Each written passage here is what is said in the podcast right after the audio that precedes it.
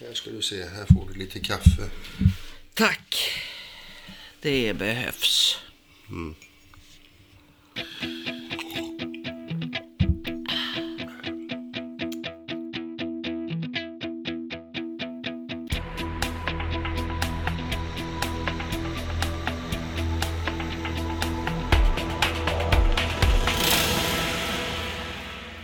Det här är Peter och Maria. Det här är Peter och Maria.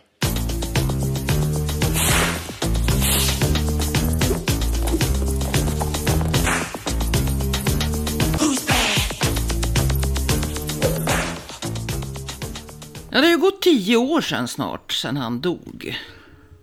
Men nu är han ju igen på tapeten. Efter den här fyra timmar långa dokumentären. Har du sett den? Nej, jag har inte sett den utan det är du som har sett den.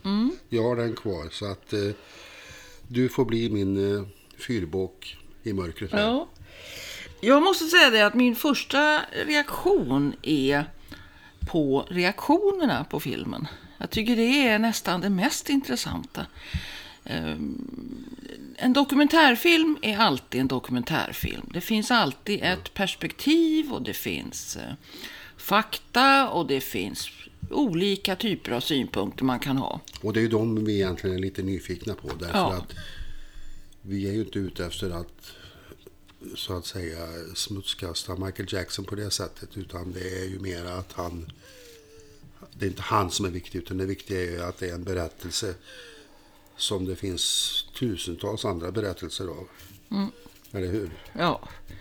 Alltså jag, jag tycker att eh, de, de som inte har sett den här fyra timmar långa dokumentären bör naturligtvis göra det. Den finns på SVT Play fram till i september så det finns gott om tid på sig om man vill titta på den. Den är väl värd att se av flera olika skäl och jag skulle också vilja rekommendera att man tittar på den diskussion som eh, Oprah Winfrey hade som sändes eh, precis efter eh, filmerna Ja, sändes. den har jag ju sett.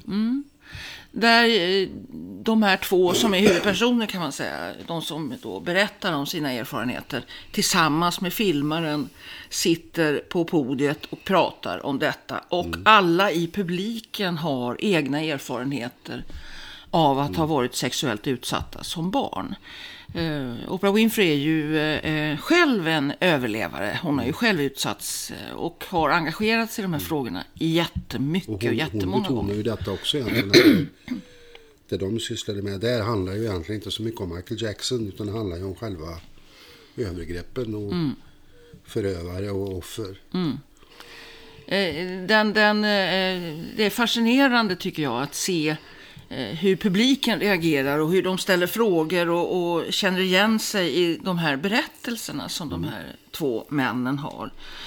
Men alltså om man tittar på eh, det här speciella fallet då, för det måste man ju ändå säga att det är, så finns det flera olika eh, perspektiv på det. Det första som slår mig det är att det går inte att prata om det här utan att samtidigt prata om idoldyrkan. Nej.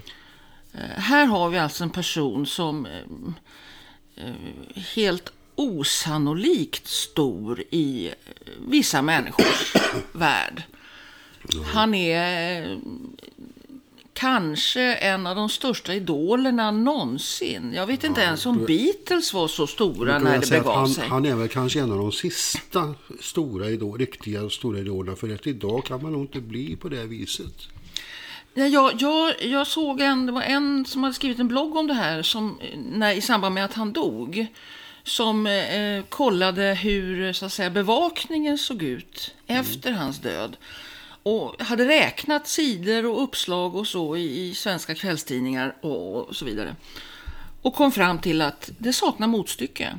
Det fanns ingen annan människa eh, död som uppmärksammats på detta vis. Inte ens när det handlar om ond, bråd död. Alltså, du kan ta John Lennon och du kan ta andra som har utsatts för, eh, så att säga, som har blivit mördade på olika sätt. va.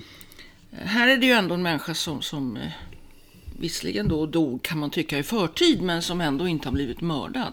Men det finns inget eh, motstycke till hur han eh, skrevs om när han, när han dog.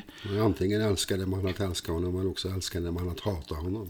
Ja, alltså jag har ju aldrig själv för egen del varit tillhört varken det ena eller det andra. Jag har Nej, inte jag heller faktiskt. Jag tror att vi, både du och jag kanske är något för, för, för gamla för det. Mm. Alltså jag, jag har en känsla av att de som är så att säga, närmast till detta är de som var unga på 80-90-talet. Mm. Och då menar jag alltså i tidiga tonåren. Mm. Eh, och det finns ju eh, massa olika förklaringar till detta. Men han... Men försvaret för honom kommer ju inte bara ifrån ungdomar. Nej, men ungdom är ju inte ungdomar idag. Idag är de ju 45, ja, i och för sig, 50. Ja. Tankevurpa. Ja, nej men det är ju så va. Det är ju, ungdomar idag eh, skiter väl högaktningsfullt i, i Michael Jackson. För honom, han är ju liksom, för dem är han ju inte någonting. Nej. Alltså de som är unga idag, vi nu håller oss till det. Mm. De var barn när han dog. De har ingen relation till honom. Nej, men jag vet att de, när de pratade om det på radion precis strax efter de här filmerna hade gått. Eh, så sa ju, för det var ju tal om då att man inte skulle spela Michael Jackson på radio. Mm. Och då sa ju någon programdirektör där för P3 att eh, han spelas ungefär tre gånger i veckan. Mm. Och det är, är ju inte så mycket om du jämför med hur det var en gång i tiden. Nej. Nu är ju detta i och för sig P3 i Sverige. Det finns ju andra kanaler. Ja, så jag tror att man ska vara medveten om att han fortfarande är... Ja, men, jag, men är, om du jämför P3 då och P3 nu. Absolut, absolut. Så är det en stor, stor skillnad. Ja. Men han, han är ju fortfarande en ekonomisk faktor som man inte kan undervärdera. Jag, jag såg att de som nu har övertagit rättigheterna, köpt rättigheterna, mm. är ju livrädda för att eh, det ska sprida sig det här att man inte ska spela eh, Michael Jackson på olika radiostationer och nu vet jag inte hur Spotify har, om de har uttaget uttalat sig på något sätt. Men, men det finns ju den ekonomiska sidan av det naturligtvis mm. också. Eh, för min del är det så här, det kan vi lika gärna ta nu med en gång då, att jag har ingen åsikt när det gäller det. Alltså jag tycker inte att det här att liksom gå ut och kräva att han inte ska spelas och sånt där, det är för mig helt främmande. Ja, alltså jag, jag, också, jag är ju sån här så att jag hatar bokbål som jag kallar det för. Jag tycker inte att det är... Det finns andra sätt i så fall. Det, det är upp till var och en. Mm. För mig är det så här att jag eh, kommer inte att kunna höra hans musik utan att detta finns med. Ja. Alltså det finns en association för mig. Ja. Om jag hör eh, Who's Bad eller om jag hör Dirty Diana eller vad du vill. Vad de här... Ja, jag fick ju höra det nu när jag gjorde det här klippet mm. som jag använde här. Mm. Annars har jag ju inte lyssnat någonting på Michael Jackson på flera år själv. Nej, men, men för mig är det så att de, jag kan inte låta bli att tänka på de här sakerna Nej. efter att ha sett de här fyra timmarna. Och jag, en sak som jag finner absurt, det är hur någon enda människa kan ha åsikter om de här filmerna utan att ha sett dem. Mm. Ja, det, det tycker jag är ja. Häpnadsväckande. Därför ska jag inte ha det. Men... nej, du, jag tycker inte du ska ha varken åt ena eller andra hållet. Nej, men, nej, precis. Men däremot så kan jag ju ha en åsikt i själva kallar, kallar det för sakfrågan. Ja, men du, det är väl bra att vi ja. har olika eh, utgångspunkter här. Ja.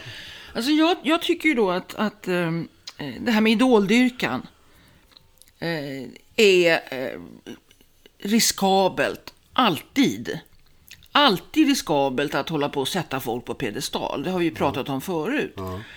Och det blir extra tydligt när, när det händer något sånt här. Jag skulle gärna vilja höra de här som nu är så besatta av att försvara honom utan att ha sett filmerna, utan att ha någon som helst koll på, på sakläget i allt detta. Hur skulle de förhålla sig om det verkligen kom fram bevis som de var tvungna att acceptera? Mm. På vilket sätt skulle det påverka dem som, som individer? Alltså, det, du har ju detta evinnerliga problem, för det går ju igen jämt, att man, man tror sig känna en person. Ja. Och det är ju bara blir befängt därför att Jag menar, jag har ju mina ikoner. Jag, jag har, försöker aldrig ha idoler för att jag, jag tycker inte om det. Men däremot så har jag några som man kan kalla för lite grann sådana här ikoner, säger jag, kallar jag dem för. Och de har inte alltid varit så rumsrena. Men om det dyker upp någonting som då inte tål dagens ljus, då är det ju bara att tänka som så att, vad ska jag säga om det? Jag känner väl inte Leonard Bernstein, eller hur? Jag har aldrig ens träffat honom. Hur ska jag kunna ha en åsikt om, om någonting överhuvudtaget som han har gjort i sitt privatliv? Men folk är precis som att de tror att de känner någon, va? bara för att man har levt med deras konst. Och det blir ju jättefel. Men jag tror att det här finns det någonting som har att göra med, med eh, snarare med de som eh, har honom eller har haft honom som idol. Alltså att det är så nära förknippat med deras egen personlighet. Så att det blir, det kommer för nära. Alltså jag tycker verkligen det. Va? Att, okej, anta nu att han på allvar hela sitt liv var pedofil. De här två som nu har trätt fram och berättar saker, de är bara toppen på ett isberg. Det finns ju rätt mycket eh, tecken som tyder på att det är så. Gör det låtarna annorlunda? Gör det musiken annorlunda? Nej, inte dugg. Men om man har den här relationen till själva personen, att det är så nära förknippat med vem man är själv, och allra mest om det är en idol som man har haft när man var själv i, i liksom vuxenblivandet, alltså när man var 12, 13, 14 år och så vidare. Då blir det på något sätt svårt, som jag upplever det, att få ihop den egna relationen. Det handlar snarare om det än om vad som faktiskt har hänt eller inte hänt. Jo, alltså jag, jag har ju ett eget exempel på det som inte är något, eh, ingen förövare eller något brott, utan det är mera bara den här känslan över någon som man har gillat bra. Jag har alltid varit inne på det här med hårdrock många gånger. Och, och då fanns det, eller finns en, eh, en eh, gitarrist och sångare som heter Ted Nugent. Som jag hade en period under min eh, tonår, eller ja, tidiga 20-årsålder, som jag gillade, då gillade jag honom jättemycket. Va? Tyckte han skrev, och det kan man, får jag väl erkänna än idag, att jag tycker att han skriver ganska bra låtar. Men så fick jag, fick jag bli varse att han var en riktig redneck, en rasist och du vet en sån där riktig trumpist va. Av hardcore. Mm. Och då ramlade han totalt för mig. Och då känner jag att jag kan inte höra honom nu. Utan att, det, att jag ser honom framför mig som en sån här människa som jag aldrig någonsin skulle befatta mig med i mitt privatliv. Och det gör ju det alltså att jag lyssnar aldrig längre på honom. Nej. Hur bra låtar han är. Nej, men jag tror att där måste man skilja på lite olika saker. Va? Så, så, som jag sa, att för mig är det så att jag kommer inte att kunna höra de här låtarna om de dyker upp i något sammanhang utan att tänka på det här. Nej. Det går inte. va. Men eftersom han aldrig har spelat någon avgörande roll i mitt liv Nej, Då är det ett lätt offer för dig att göra också. så är det inte så, det är inte så stor sak. Men jag tror att det här så att säga, motståndet mot att ens vilja lyssna på vad de här männen berättar om sin barndom. Det bottnar inte i eh, bilder av vem Michael Jackson faktiskt var. Utan det handlar snarare om ens egen uppväxt. Det handlar om, som någon skrev, ens egna skivor. Vilka man valde och vilka man har tröskat och lyssnat på tills man kan varenda liksom Skivsamlingen blir detalj. värdemätaren. Skivsamlingen blir på något sätt. Ja. Det är där och eh, just det här att, att eh, vilka skivor man verkligen har älskat Ja. blir på något sätt eh, värdemätaren på, inte på artisterna, utan på en själv. Ska det visa sig att jag är en människa som har dyrkat en pedofil? I, det, I den valsituationen så kan man välja det ena eller det andra. Man kan säga, ja, det gjorde jag. Jag visste inte det jag vet idag. Nej. Och jag får försöka förhålla mig till min egen ungdom. Eller så kan man säga, nej det tänker jag inte göra.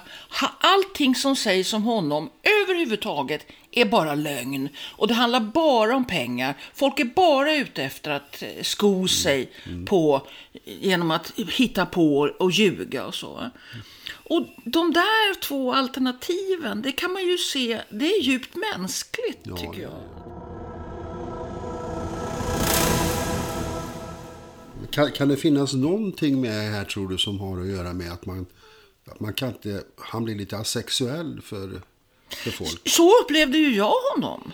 Jag menar, jag var ju vuxen, en vuxen eh, kvinna och jag menar, min stora, om man skulle prata om idoler, det var ju John Lennon. Han eh, betydde oerhört mycket för mig. Från, eh, och redan på Beatles-tiden när jag var väldigt liten, men sen också eh, så att säga med Imagine och, och hela 70-talet och så. Jag menar, när han blev mördad så var det en katastrof för mig. Eh, Jag var jätteförtvivlad och ledsen och så. Och jag, det är ju samma sak där, jag visste ju nästan ingenting om honom. va. Men om någonting sånt här hade kommit fram om honom så kanske jag hade haft motsvarande problem eller valsituation. Va? Hur ska jag förhålla mig till mitt egen till min egen relation till honom. Hur ska jag förhålla mig till det? Till det här när jag var 13, 14, 15 år. Du kanske inte hade förnekat, hamnat i den förnekelsen, men du hade kunnat börja köpslå med dig själv. Ja. Alltså jag tror att det handlar om att få ihop bilden av sig själv. Mer än att få ihop bilden av Michael Jackson. Eh, därför att den här typen av idoldyrkan, den är så, eh, den invaderar en människa så totalt. Och, och blir, man blir liksom ett med det. Va? Man, man är, och särskilt när det sker när man är i, i eh, tidiga tonåren. Så är det ju...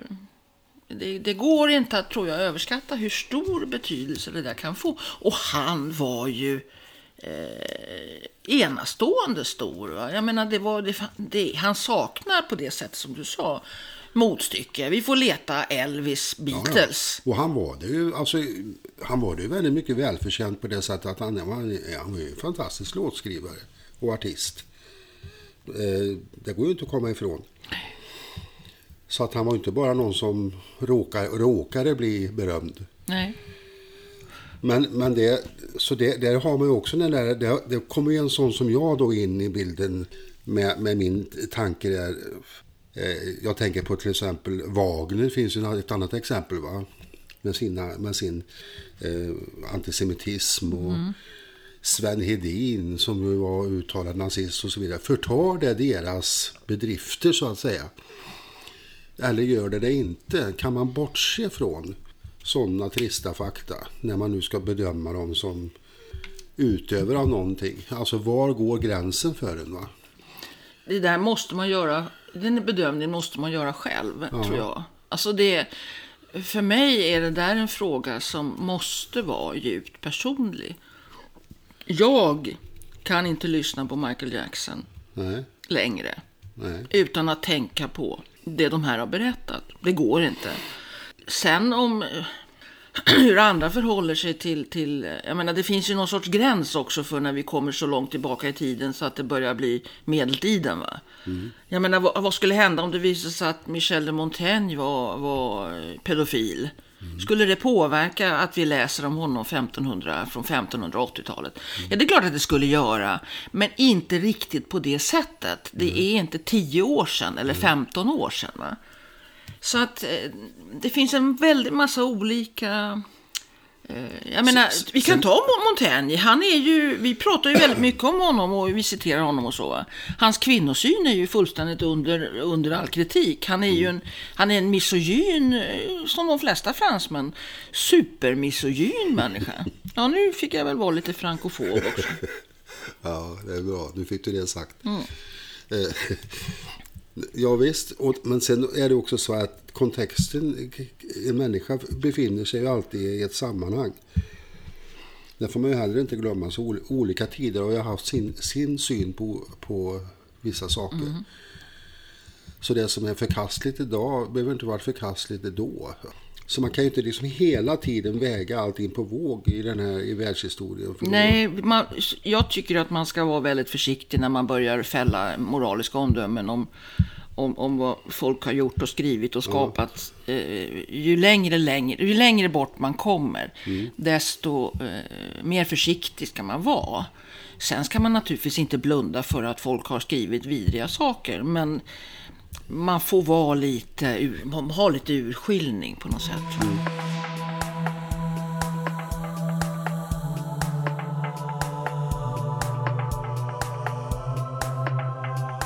Men om vi ska gå tillbaka till det här med, med idoldyrkan och alltihopa det här. Va? Så en sak som, som eh, också tycker jag är fascinerande, det är det här att, att eh, det, här berättelserna, eh, vittnesmålen eh, om Michael Jackson på något sätt tycks eh, påverkas av att han ju verkade så snäll. Han såg så bra ut och han var liksom en sån... Han, han verkade inte någon sån våldsam typ och han är liksom inte frånstötande rent... Eh, Där har du det här gra- grannarna som alltid dyker upp och säger men han som var så trevlig och alltid hälsa.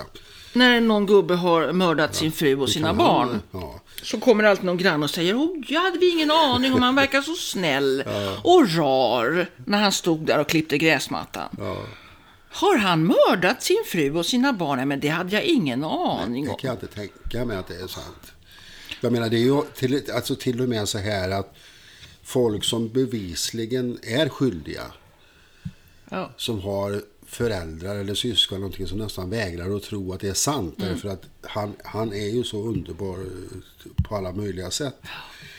Och det där är ju det kanske är en mänsklig reaktion, ja.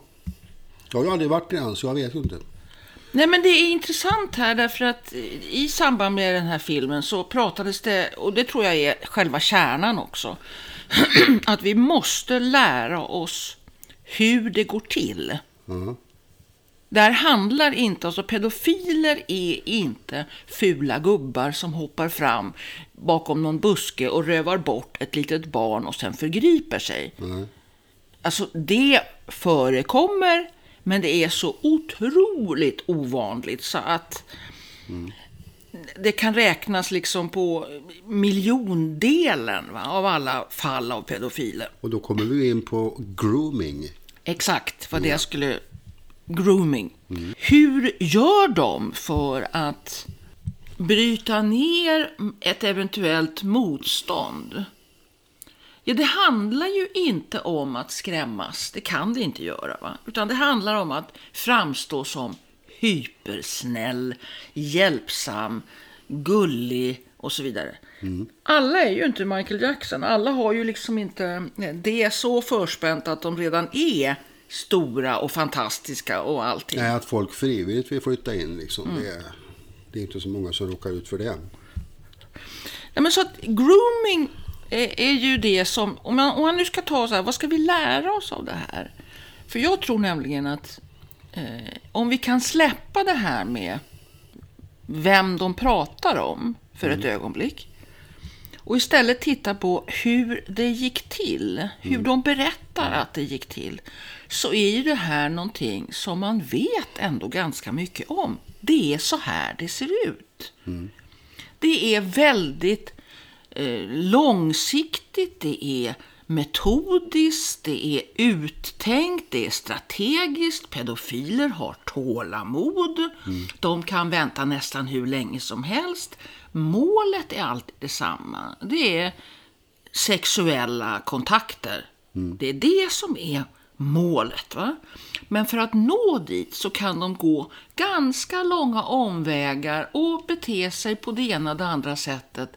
Och så småningom så har de nått fram. Men det kan ta tid. Och det där beteendet, det är det vi måste lära oss mer om. Det är ju ett rovdjursbeteende. Det, alltså jag tror också att man ska se det som... Alltså det pedofila eh, beteendet är rovdjursbeteende. Och sen handlar det också om, om eh, eh, fantastisk förmåga att dupera och manipulera. Och då kan man ju tycka att barn är ju ganska lätta att dupera och manipulera. Nej, barn är inte speciellt lätta. Det krävs eh, rätt... Eh, man måste vara ganska skicklig. Och det får man säga så här att de flesta pedofiler är det. De är skickliga på att dupera och manipulera. På samma sätt som vuxna psykopater är skickliga på att dupera och manipulera. Det finns ju...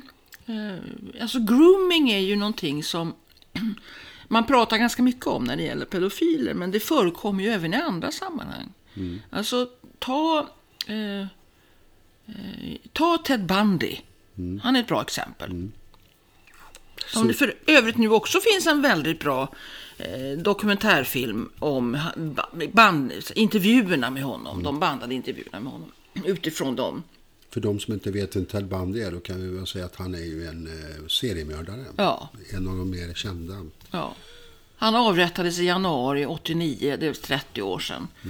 Han var ju fantastiskt eh, trevlig och Ja, alltså intelligent och i, den här, och- I den här dokumentärfilmen så får man verkligen se honom in action när han är... Han var ju nämligen eh, sparkade sina advokater och eh, förde sitt eget försvar. Det gick ju åt helvete för honom kan man säga. Han var inte så, så himla smart som han trodde att han var. Men det, det är också väldigt lätt att se hur han agerar i den här filmen. Hur, han, hur skicklig han är på att framstå som en charmig, trevlig, han ser bra ut, han är liksom... Man förstår ju att, eh, han är lätt, att det är lätt Mm. att falla på det sättet att han, är- han är lätt att tycka om. Eh, av alla de mord som han dömdes för och av alla de som han erkände sen också, för han dömdes ju långt ifrån för, för alla som han hade gjort, så är det två som står ut. Och det är eh, i samband med en stor sån här söndag i en park i eh, Seattle. Han höll ju på framförallt i staten Washington.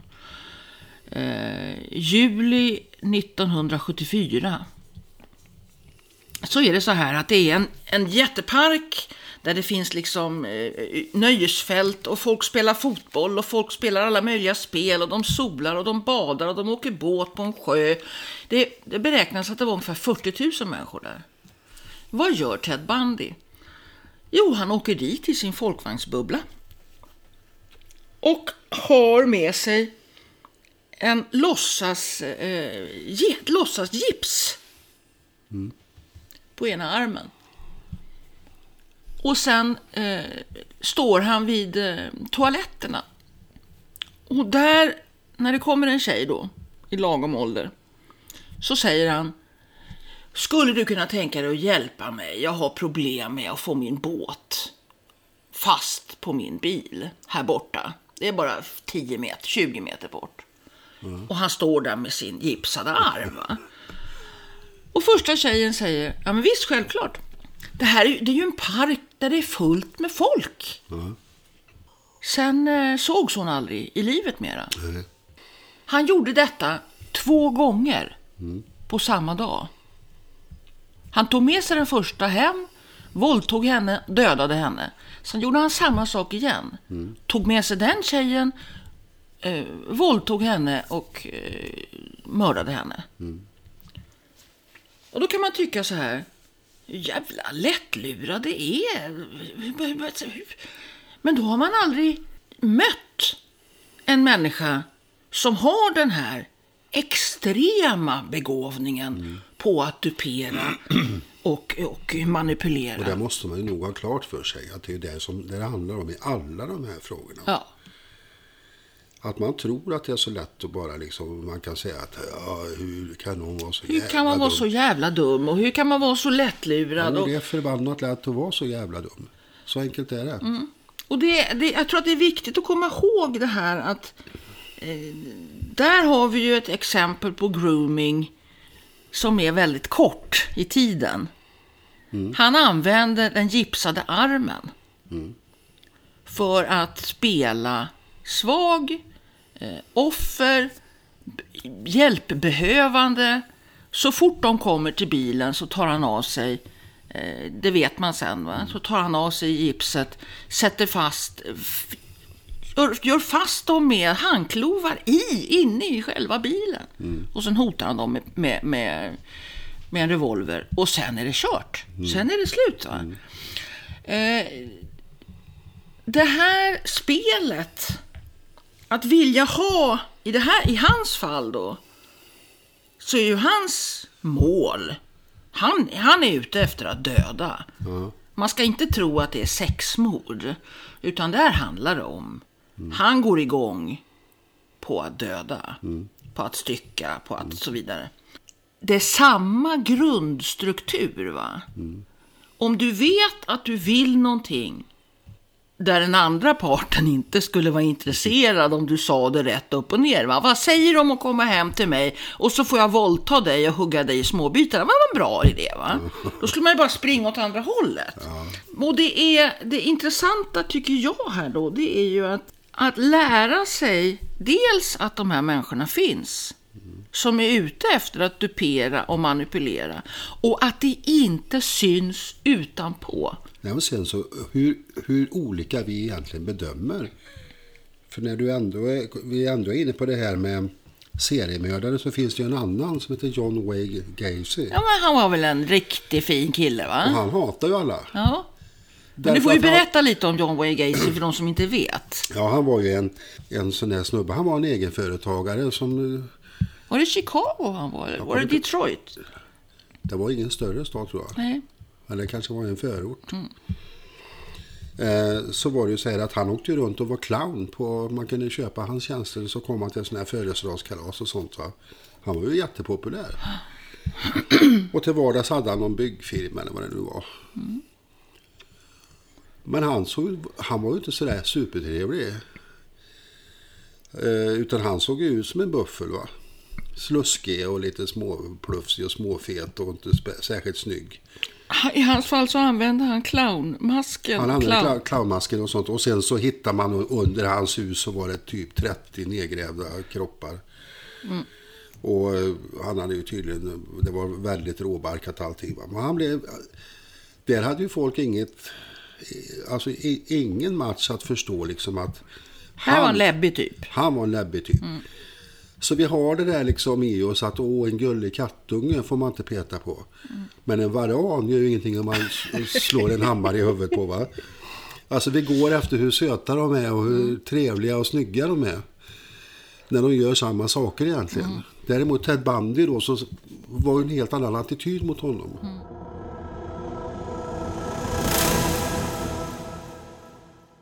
Vi behöver inte komma in på nazister nu, men du har ju det här med Albert Speer som ju kom undan i Nürnberg. För han var ju både snygg och trevlig och belevad och artikulerad. Och förstod att han skulle eh, vara förkrossad över vad han just hade fått veta om förintelsen. Precis. Han ljög så att klockorna stannade. Men det det var- de gick på det. Va? För Det att han, var, de- han verkade inte lika buffelartad som De, de de andra. hans underhuggare, men inte han som var ansvarig. Just därför att han var... Han hade ett attraktivt yttre som var lätt att tycka om och lätt att förföras av. Han avrättades inte. Nej, han satt ju inne och sen blev han ju fri. Så att jag menar att det där är väldigt, väldigt vanskligt va. Hur vi bedömer människor utifrån hur de är. Men jag tycker att det är så fascinerande det här att när man pratar om det här så är det fortfarande så att man måste säga igen och igen och igen att de här förövarna kan se trevliga ut och vara charmiga och vara, eh, se ut som vem som helst. Alltså att man måste hela tiden säga det. Det borde, det borde någonstans ha trillat ner en polett. Ja. Och att det var en spridd kunskap. Va? Att du inte kan se på en människa utanpå Nej. om den människan är en psykopat eller en våldtäktsman eller en pedofil eller vad det nu kan vara.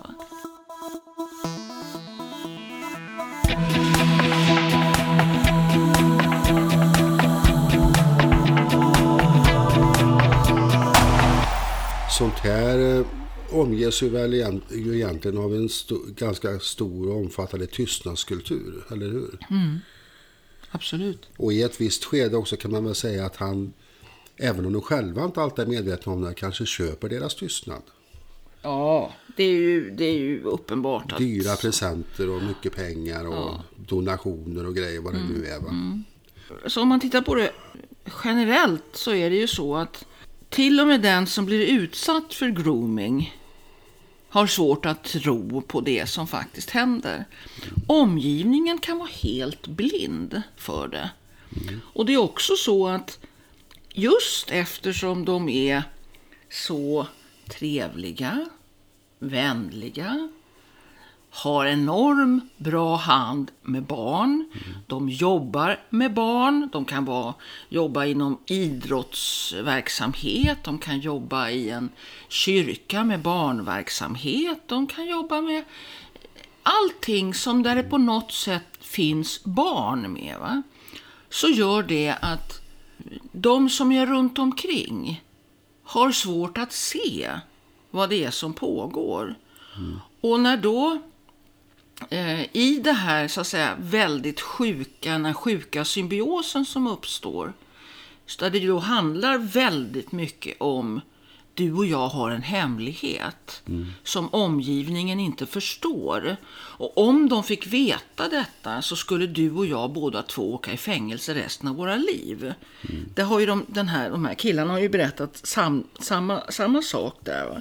Och det är ju någonting som man vet, det är någonting som ofta, när det väl har blivit sex i någon mening, va? våldtäkt, så är det en väldigt viktig del. Du får inte berätta detta för någon. Det gör att det för barnet, eller för den unga kvinnan, är enormt svårt att bryta den här tystnaden. Och att då inte bli trodd när man väl gör det är ju något av det mest fruktansvärda som man överhuvudtaget kan tänka sig. Och det jag tycker är kanske den stora lärdomen av allt det här, det är att dels att alla faktiskt borde se de här fyra timmarna och lära sig mer om hur det faktiskt ser ut. Därför att i de här filmerna så finns precis allting med som man vet är, det är liksom eh, by the book hela vägen. Allt från det här långsamma groomingen till du och jag har en hemlighet, vi får inte prata om det. Och sen att man så att säga förtränger det och försöker omvandla det till någonting annat än vad det faktiskt var. Vad jag förstått så är det väl så också att om man inte spelade med Mm. så var han inte så trevlig. Nej, det berättar de ju också. Så det finns två stycken sidor av eh, Mm. den här människan. Av alla dessa människor kan man väl säga. Det är ju någonting som också är rätt allmänt känt, va? att eh, det handlar om kontroll. Det handlar alltid om kontroll och det handlar om att den som gör detta vill bestämma villkoren för hur saker och ting är. Och därför är det så viktigt att det är hemligt, att det inte, man får inte prata om det, det får inte komma ut. Eh, därför att i grunden handlar det här om, alltså förövaren är en människa som i huvudsak tänker bara på en person, nämligen sig själv. På sin egen drift, sin eget sjuka begär. De som då drabbas av detta är bara verktyg. De är inte egentligen andra människor. De är bara verktyg för att kunna tillfredsställa det här begäret. Och om man ser det, om man inser att det är så det ser ut, då ser man också vilket enormt stort ansvar som faller på de som finns, inte bara i den närmaste omgivningen, utan även oss som samhälle i övrigt. Alltså att helt enkelt att vi måste lära oss hur det här ser ut och hur det går till. Och inte bara säga, oh vad jobbigt, det här är vart, nu vart det så hemskt och nu kan jag inte, jag kan inte ta in det här, jag kan inte, jag står inte ut med att lära mig om det här. Av omtanke om de som faktiskt utsätts och har utsatts, så har vi en förbannad plikt att ta reda på hur det här ser ut. Men det där att ta ställning är väl inte alltid så, verkar det vara så lätt för människor att göra. Nej, men det är så lätt att säga så här, ja men alla är ju människor emot pedofiler. Ja, men men man vill inte behöva hålla på och tänka på det. Va? jag tänker, mer, jag tänker också på det här att jag har sett det flera, flera gånger. Detta att i, i, saker som är ganska uppenbara där man egentligen borde kunna ta lätt ställning säger de så här, jag vill inte ta ställning. Jag vill vara neutral. I det här fallet kan man inte vara neutral skulle jag säga. Och, och det- med det menar jag att du måste ta in sådana här berättelser. Det hand, du har, alltså vi har ingen eh, uppgift att fälla någon sorts rättslig bedömning. Det är inte vårt uppdrag att göra detta. Vårt uppdrag är att lyssna. Vi ska lyssna, vi ska ta in, vi ska lära oss hur det här ser ut. Ta offren på allvar helt Ja. enkelt. Och jag skulle säga det att, att eh, nu råkar det vara handla om Michael Jackson. Men han är egentligen sekundär. Det handlar om att ge utrymme åt människor att kunna och våga berätta. Det här är ju någonting som vi jobbar hela tiden med i, i den här Facebookgruppen, Alla vi. Det handlar så otroligt mycket om att känna sig trygg, att kunna berätta, att inte bli avvisad och kallad lögnare eller någonting annat. Och då är det ju i, i, vår, i vår grupp är det ju så att vi har som princip att man ska inte prata om förövaren, alltså identifiera honom eller, eller um, namnge och så vidare. Därför att det fokus ligger på berättelsen, vad man har utsatts för. Och, och det, det är att, att man måste lära sig att lyssna. Ja. Det, nu är det dags att hålla käften och bara lyssna. Och låta den här människan berätta. För det har man ju sett också, det här med att någon hela tiden måste... Upp, upp, upp, vänta lite här nu. Måste komma med tips Och och, råd och förslag på hur man ska göra. Det är helt ointressant. Ja, eller också splaina lite och tala om hur det egentligen är. Men alltså, jag, jag tycker det är, det är fullständigt obegripligt. Men en människa liksom Gubbfenomen. tar, tar det stora, stora steget att berätta något av det värsta som den människan har varit med om. De kanske har hållit på det i 50 år. Ja, vi, vi har ju sådana exempel och det är ju fruktansvärt. Va? Kvinnor som berättar hur de utsattes på 50-talet och aldrig har kunnat berätta. Eh, att då beskäftigt komma in och säga ja, du borde nog ha gått till polisen då 1958 när det här hände. Det är för, men, håll käften känner jag bara. Ge fan i och kom med Eller varför förslag reste- eller varför- råd varför eller kritik. och gick? Ja. Alltså det finns så, det finns så mycket eh, eh, underliga eh, reaktioner hos människor som visar att de också saknar empati. Ja, de saknar erfarenheter också. Man tycker att man har alltid åsikter om sånt som man inte vet ett skit om. Det är väldigt vanligt tycker jag. Så, visst, absolut. Men det är ju också så va, att ibland så kan jag känna det att även om man själv, ja men jag har inte varit utsatt för någon pedofil när jag var liten.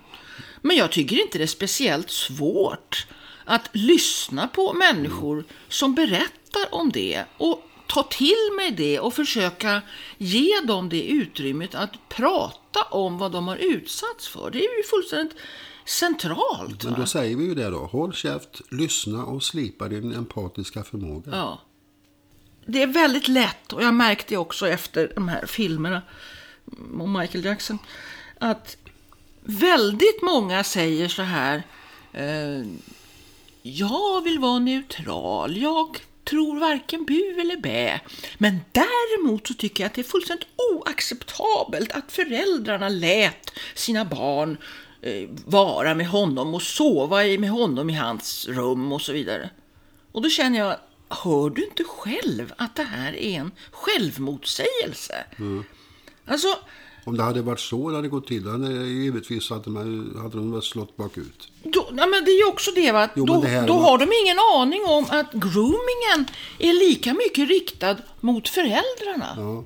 Men jag menar om det hade varit så här att om Michael Jackson hade ringt upp en förälder och sagt så här, tjänare kan jag, kan han få sova i min säng och jag kan få pilla lite på honom. Då hade, hade man ju sagt så här, hörde du. Eh, så går ju inte, det går ju inte till så. Nej. Och om man tror sig att man står över den, att kunna, att kunna bli förförd i det läget. Så kanske man bör tänka lite på hur mycket man har kvar att lära. En viss ödmjukhet, en viss självkritik så att man inser att there but for the grace of God go I. Det skulle ha kunnat vara jag. Både som barn, utsatt, men också som förälder. Det är att, att fälla sådana kategoriska omdömen finner jag faktiskt obegripligt. Därför att det är så... Det här är människor som är så otroligt skickliga på att manipulera, på att dupera sin omgivning. Och har man aldrig mött en sån människa, då har man ingen som helst aning om vad det handlar om. Då vet man ingenting.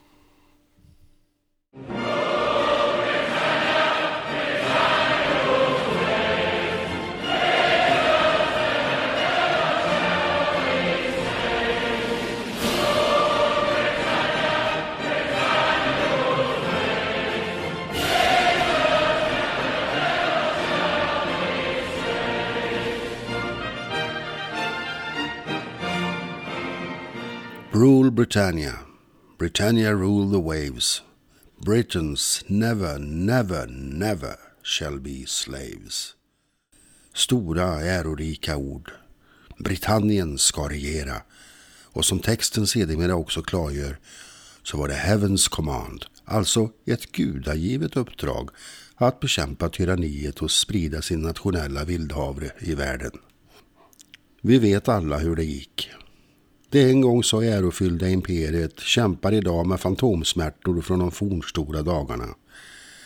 Man har liksom inte riktigt accepterat tanken på att vara ett land bland andra länder utan tror sig fortfarande vara den nation som trotsar havets vågor och bygger sitt Storbritannien varhelst de har lust.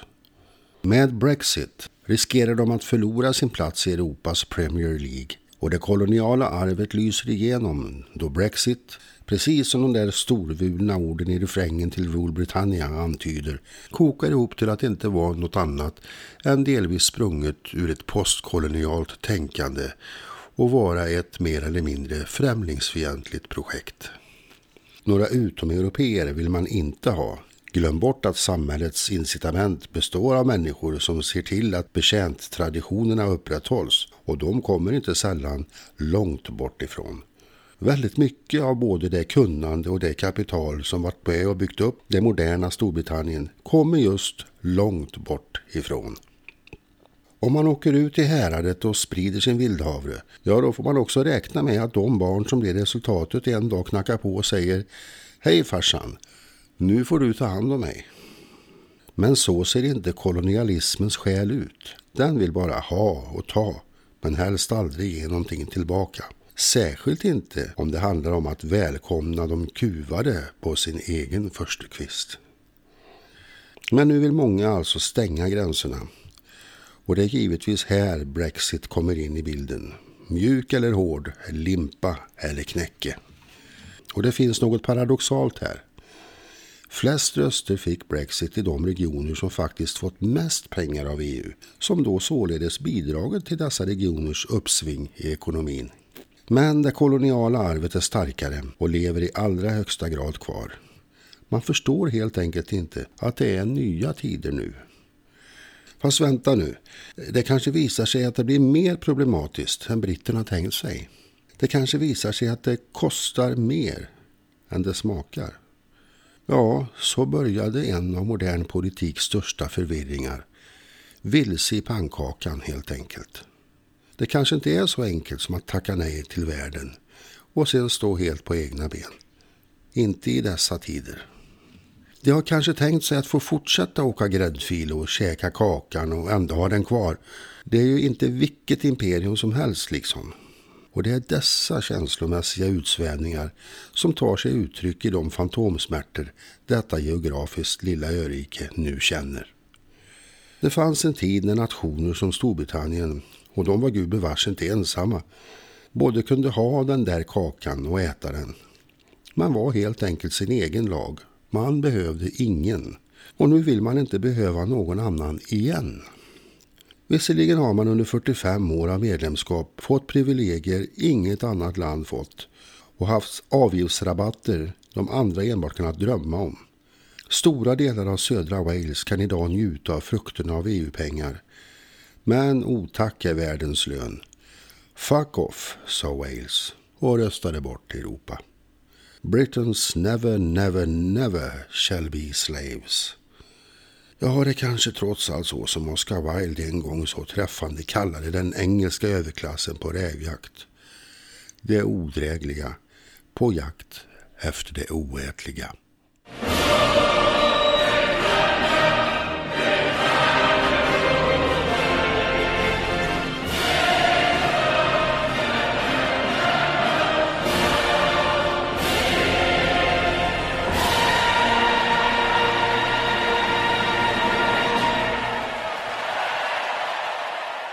18 mars är det idag.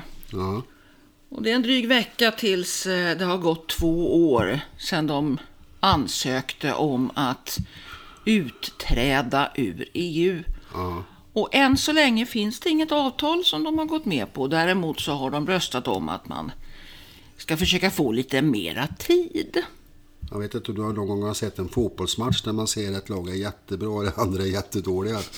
Och så ser man hur de här försvaret i det här jättedåliga laget bara i panik slår ifrån sig bollarna hela tiden. Det känns lite grann så när man ser liksom på England idag. Va? Vad fan har vi, hittat, vad, är, vad har vi ställt till med? Ja, alltså det, det är, jag måste säga det att eh, för mig är den stora lärdomen av detta att det vanskliga och faktiskt farliga i att använda folkomröstningsinstrumentet Ja. i det läget som, som eh, jag menar, man nu ska ha beslutande folkomröstningar. Va? Därför att det är helt uppenbart att det här är en fråga som kräver enormt mycket eh, kunskap och eh, fakta. Och Det är därför det- vi det- har, har valda politiker, för att de ska avgöra sånt här åt oss, för vi är Ja, inte insatta i och, och det. jag menar, det pratas mycket om att det här var liksom eh, Camerons fel och Tories, eh, de kommer att gå åt helvete nu därför att egentligen är det ju där som den stora, stora splittringen finns mellan för och emot. Va? Men den här frågan om EU, om EU-medlemskap, går ju på tvärs i, över höger-vänster skalan generellt. Va? Så att jag tycker inte att Labour ska, ska slå sig för bröstet så där vansinnigt mycket för de har också betett sig väldigt konstigt sen, långt, alltså sen en bit innan det här med folkomröstning. Va? men Även det- om det är Cameron och Tories som får bära huvudansvaret. Det är fullt med pudlar i korridoren där utanför deras parlament, tror jag. Ja, jag vet inte om det finns några pudlar direkt. Jag tycker att när man har följt den här debatten som har varit i underhuset så blir man ju verkligen eh, förtvivlad och bestört över att eh, folk i parlamentet är så okunniga och har så dålig koll på vad som det faktiskt handlar om. Va? Alltså det, det är på något sätt eh, att, att folk i gemen trodde att nu ska vi äntligen bli av med alla bruna och svarta människor i vårt land Ja, när det handlar om andra människor i Europa ja. som då helt plötsligt inte ska komma och infektera deras underbara land.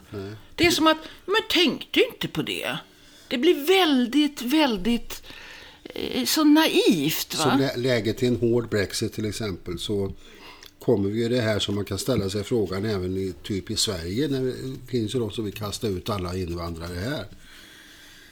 Hur, vad som händer med ett land när man gör sig av med alla som man egentligen inte tycker ska vara där. Då ser man också hur det är som en, i en familj så blir det ju det här att eh, när man skiljer sig då ser man plötsligt hur mycket som man har byggt upp tillsammans. Som man inte såg innan. Att det är mycket, mycket mer än bara två människor som håller ihop. Och det är likadant i en nation.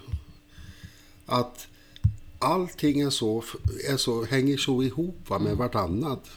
Så gör du det av med det mesta av det. Så ser du också liksom hur mycket som allting berodde på andra människor. Då kommer du få sitta riktigt i skiten om de hamnar Alltså jag, jag, jag är ju, tillhör ju de som, som eh, tycker att det vore bra. Det vore en bra eklut för britterna med en hård Brexit. Ja, jag är, för, jag är för en hård Brexit också. Faktiskt. Eklut helt enkelt. Ja. Att de får lära sig vad det handlar om. Va? Och jag menar, sen är det så att det här är, det låter, det låter liksom kanske lite cyniskt. För det kommer att drabba människor som absolut inte har, har förtjänat att bli behandlade illa på något som helst sätt. Vi ska komma ihåg det att, att eh, 48-52 är det är liksom ingen bra utgångspunkt för att fatta ett sånt här beslut när marginalen är så pass liten. Och en, tror jag, en viktig lärdom är ju att eh, när man ska ha folkomröstningar så måste man så att säga bygga, bygga dem på ett mera konstitutionellt sätt. ja, folk måste ju åtminstone veta vad det är de ska ta ställning Jo, till. men inte bara det. Det måste finnas en mycket mer avancerad struktur för hur det ska se ut. Va? Till exempel det att man skulle kunna ha, om man nu ska ha beslutande folkomröstningar, så skulle man kunna ha det man säger att eh, antingen att man säger vi kan inte ha eh, ja eller nej här, utan vi kan ha hur förhåller vi oss till status quo? Vi befinner oss i EU. Ska vi så att säga, ut ur EU eller inte. Det är snarare det det handlar om. Och då måste man veta vad det är som är själva, så att säga, vad, vad det är som man är i nu. Och då kan man ha till exempel helt annan sorts eh, röstetal. va? 75-25 kan man ha. Man kan också ha ett system där man säger att vi har en första folkomröstning och sen har vi en folkomröstning till när folk har fått tid att fundera. Nej, jag det- kanske röstade fel, jag kanske röstade, borde ha röstat på ett annat debatt, sätt. nej, detta, det, för att debatten som förs i England skulle de egentligen haft innan. Jo, precis. Och nu har de den efter istället. Va? Och det är så dags då. Det, jag menar, I två års tid, eller två och ett halvt snart, mer, drygt två och ett halvt, så har de nu diskuterat någonting som de borde ha diskuterat före Ja, och det folkomröstningen. visar sig också nu att nu när de har diskuterat detta så är det inte alls lika många som tycker att det är en bra idé. Nej. Utan det är många som börjar ångra sig. Mm. Och det där är väl jag, jag menar vi känner ju många engelsmän, du och jag. Och vissa av dem är helt förtvivlade över det Mm. att kunna bli så här. Va?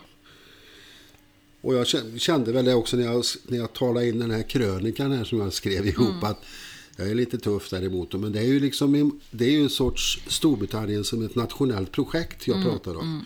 Det är ju inte engelsmän som individer, som personer. Nej. För där är de ju uppdelade i... Det finns ju en, en väldigt traditionell gammal eh, kolonial del. Men så finns det också en väldigt ny och modern och, och ja, som är som vi så, i tänkesättet. Men jag tror att det är, eh, vi får se vad som händer. Det, det blir, det är historisk, historiska tider vi lever i. Det, Vad, vad tror du händer då om de, om de försvinner bort ur EU? Tror du att det kommer en situation där de ansöker om medlemskap igen? Ja, det tror jag. Om det blir hård Brexit, Ja. eh, eller om det blir, de får lite uppskov eh, och sen lämnar den då, jag säger om ett halvår eller någonting sånt. Va? Så tror jag att eh, det, det avtal som de eh, möjligen skulle kunna få är sådant att det kommer att bli så pass mycket sämre för eh, folk i, Storbritannien så de kommer att vilja ha en folkomröstning igen. Och då, kom, då tror du att de kommer att eh, ansöka igen. Kan det leda till i förlängningen att Skottland vill ompröva sitt beslut att eh, träda ut ur uni- unionen, eller deras... Ja, För då är de ju riktigt på fisens mosse. ja och, och Nordirland ska vi bara inte prata om. Vad, vad, vad händer där? Vad, Hur kommer det här att påverka Nordirland? Men eh, hur det blir med Skottland, det är ju... För skottarna vill ju egentligen vara med i EU.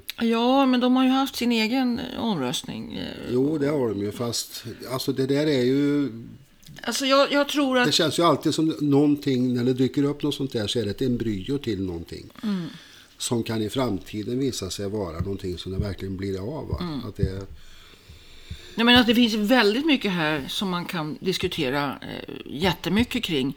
Alltså en sak som jag ändå vill nämna i sammanhanget det är ju att vi eh, har ju blivit varse hur svårt det är att eh, få ut medlemsstater som inte borde vara med längre. Ta Ungern. Där är det helt plötsligt... Nej, det, de kan söka själv om de inte vill vara med. Men det finns inget sätt att säga nu har ni brutit mot det här och det här och det här och det här. Allt det där som, ni, som var förutsättning för att ni fick vara med. ja, det borde vara självklart att de skulle ut, tycker man. Ja, men det finns, det finns ju inga sådana strukturer. va? Nej, Så det är helt uddlöst Det det är, det, är, det är liksom inte färdigtänkt, tycker jag riktigt. Rent juridiskt när det gäller den här grundläggande eh, konstitutionen för EU. Men det är ju egentligen vid sidan om det här med Brexit. Men alltså jag tror att eh, eh, oavsett om det blir hård Brexit eller inte. Jag kan inte se hur eh, övriga medlemsstater skulle kunna gå med på någonting annat än en sorts Nej, och Okej, ni får väl fortsätta prata lite grann, men det blir ingen saklig skillnad. Nej, och jag tycker också att jag, jag hörde en eh, på radio en gång för ett tag sedan. Så var det någon hög politiker ifrån, eh, jag tror han var från Nederländerna faktiskt. Jag vet inte vem det var, men det spelar ingen roll. Som var så jäkla indignerad över detta. Han, alltså det är sällan man hör en politiker uttrycka sig så. För han sa i princip, alltså rent ut, en sån jävla dum idé. Jag fattar liksom inte hur fan kan man komma på något så dumt va? Och det här ska vi sitta och tjafsa om liksom. Och då menar jag på att det är nog nu liksom. De har fått sina... Få slut på den här skiten liksom. Han var riktigt förbannad. Och då kände jag att han kanske är representativ för ganska många i, i, det, i de här sammanhangen. Som bara känner det liksom att har ni tagit ett sånt här korkat beslut så får ni stå, stå ett kast. Va? Vi lägger inte två strån emellan. Ungefär så kände jag att han menade. Men jag tror att det som du är inne på i din krönika är en bakgrund som gör att man kan förstå detta på ett lite djupare sätt. Och det är att Storbritannien fortfarande har fantomsmärtor av imperiet. Alltså det är ju inte ens hundra år sedan så att säga, de förlorade Indien. Nej, men- Och det är eh, så att säga hela den här idén om samväldet och spåren av det koloniala och idén att Storbritannien är för sig. Mm. Storbritannien är inte egentligen en del av Europa. Nej. De är ju, det är ju Storbritannien och kontinenten. De fattar liksom inte detta att vara en nation bland andra nationer. Det är inte deras roll. Men jag menar, de lyckas ju inte ens i fotbolls-VM längre. Va? Och det har, de, det har de också svårt att, att fatta, eller hur?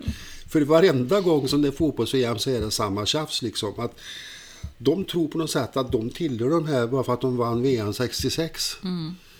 Men det var då det. Ni är omsprungna nu va? Alltså, det där finns i dem, alltså att de har en självbild som är helt annorlunda än, som inte motsvarar verkligheten riktigt. Men jag tror det att, att se historien, att förstå historiens betydelse för det här som just nu sker, tror jag är avgörande. Ja. Faktiskt. Inget begär är naturligare än begäret efter kunskap. Vi prövar alla medel som kan leda oss till kunskapen. Det är bara vår personliga svaghet som får oss att bli nöjda med det som andra eller vi själva har funnit under denna jakt på kunskap. En bättre utrustad människa kommer inte nöja sig med det. Det finns alltid plats för en efterföljare, naturligtvis också för oss själva. Och det finns alltid en väg åt ett annat håll. Det finns inget slut på våra efterforskningar. Vårt slut finns i den andra världen. Om anden är nöjd är det ett tecken på att den är förkrympt eller trött. Inget begåvat sinne stannar inom sig själv. Det strävar alltid vidare och längre än krafterna räcker. Det har impulser till mer än det kan prestera. Om det inte avancerar, pressar sig fram, håller stånd och tar konfrontation så lever det bara till hälften. Dess strävanden är ändlösa och utan form. Dess näring är undran, sökande, tvetydighet. Men det är besvärligare att tolka tolkningarna än att tolka tingen. Och det finns fler böcker om böcker än om något annat ämne. Vi gör inget annat än kommenterar varandra.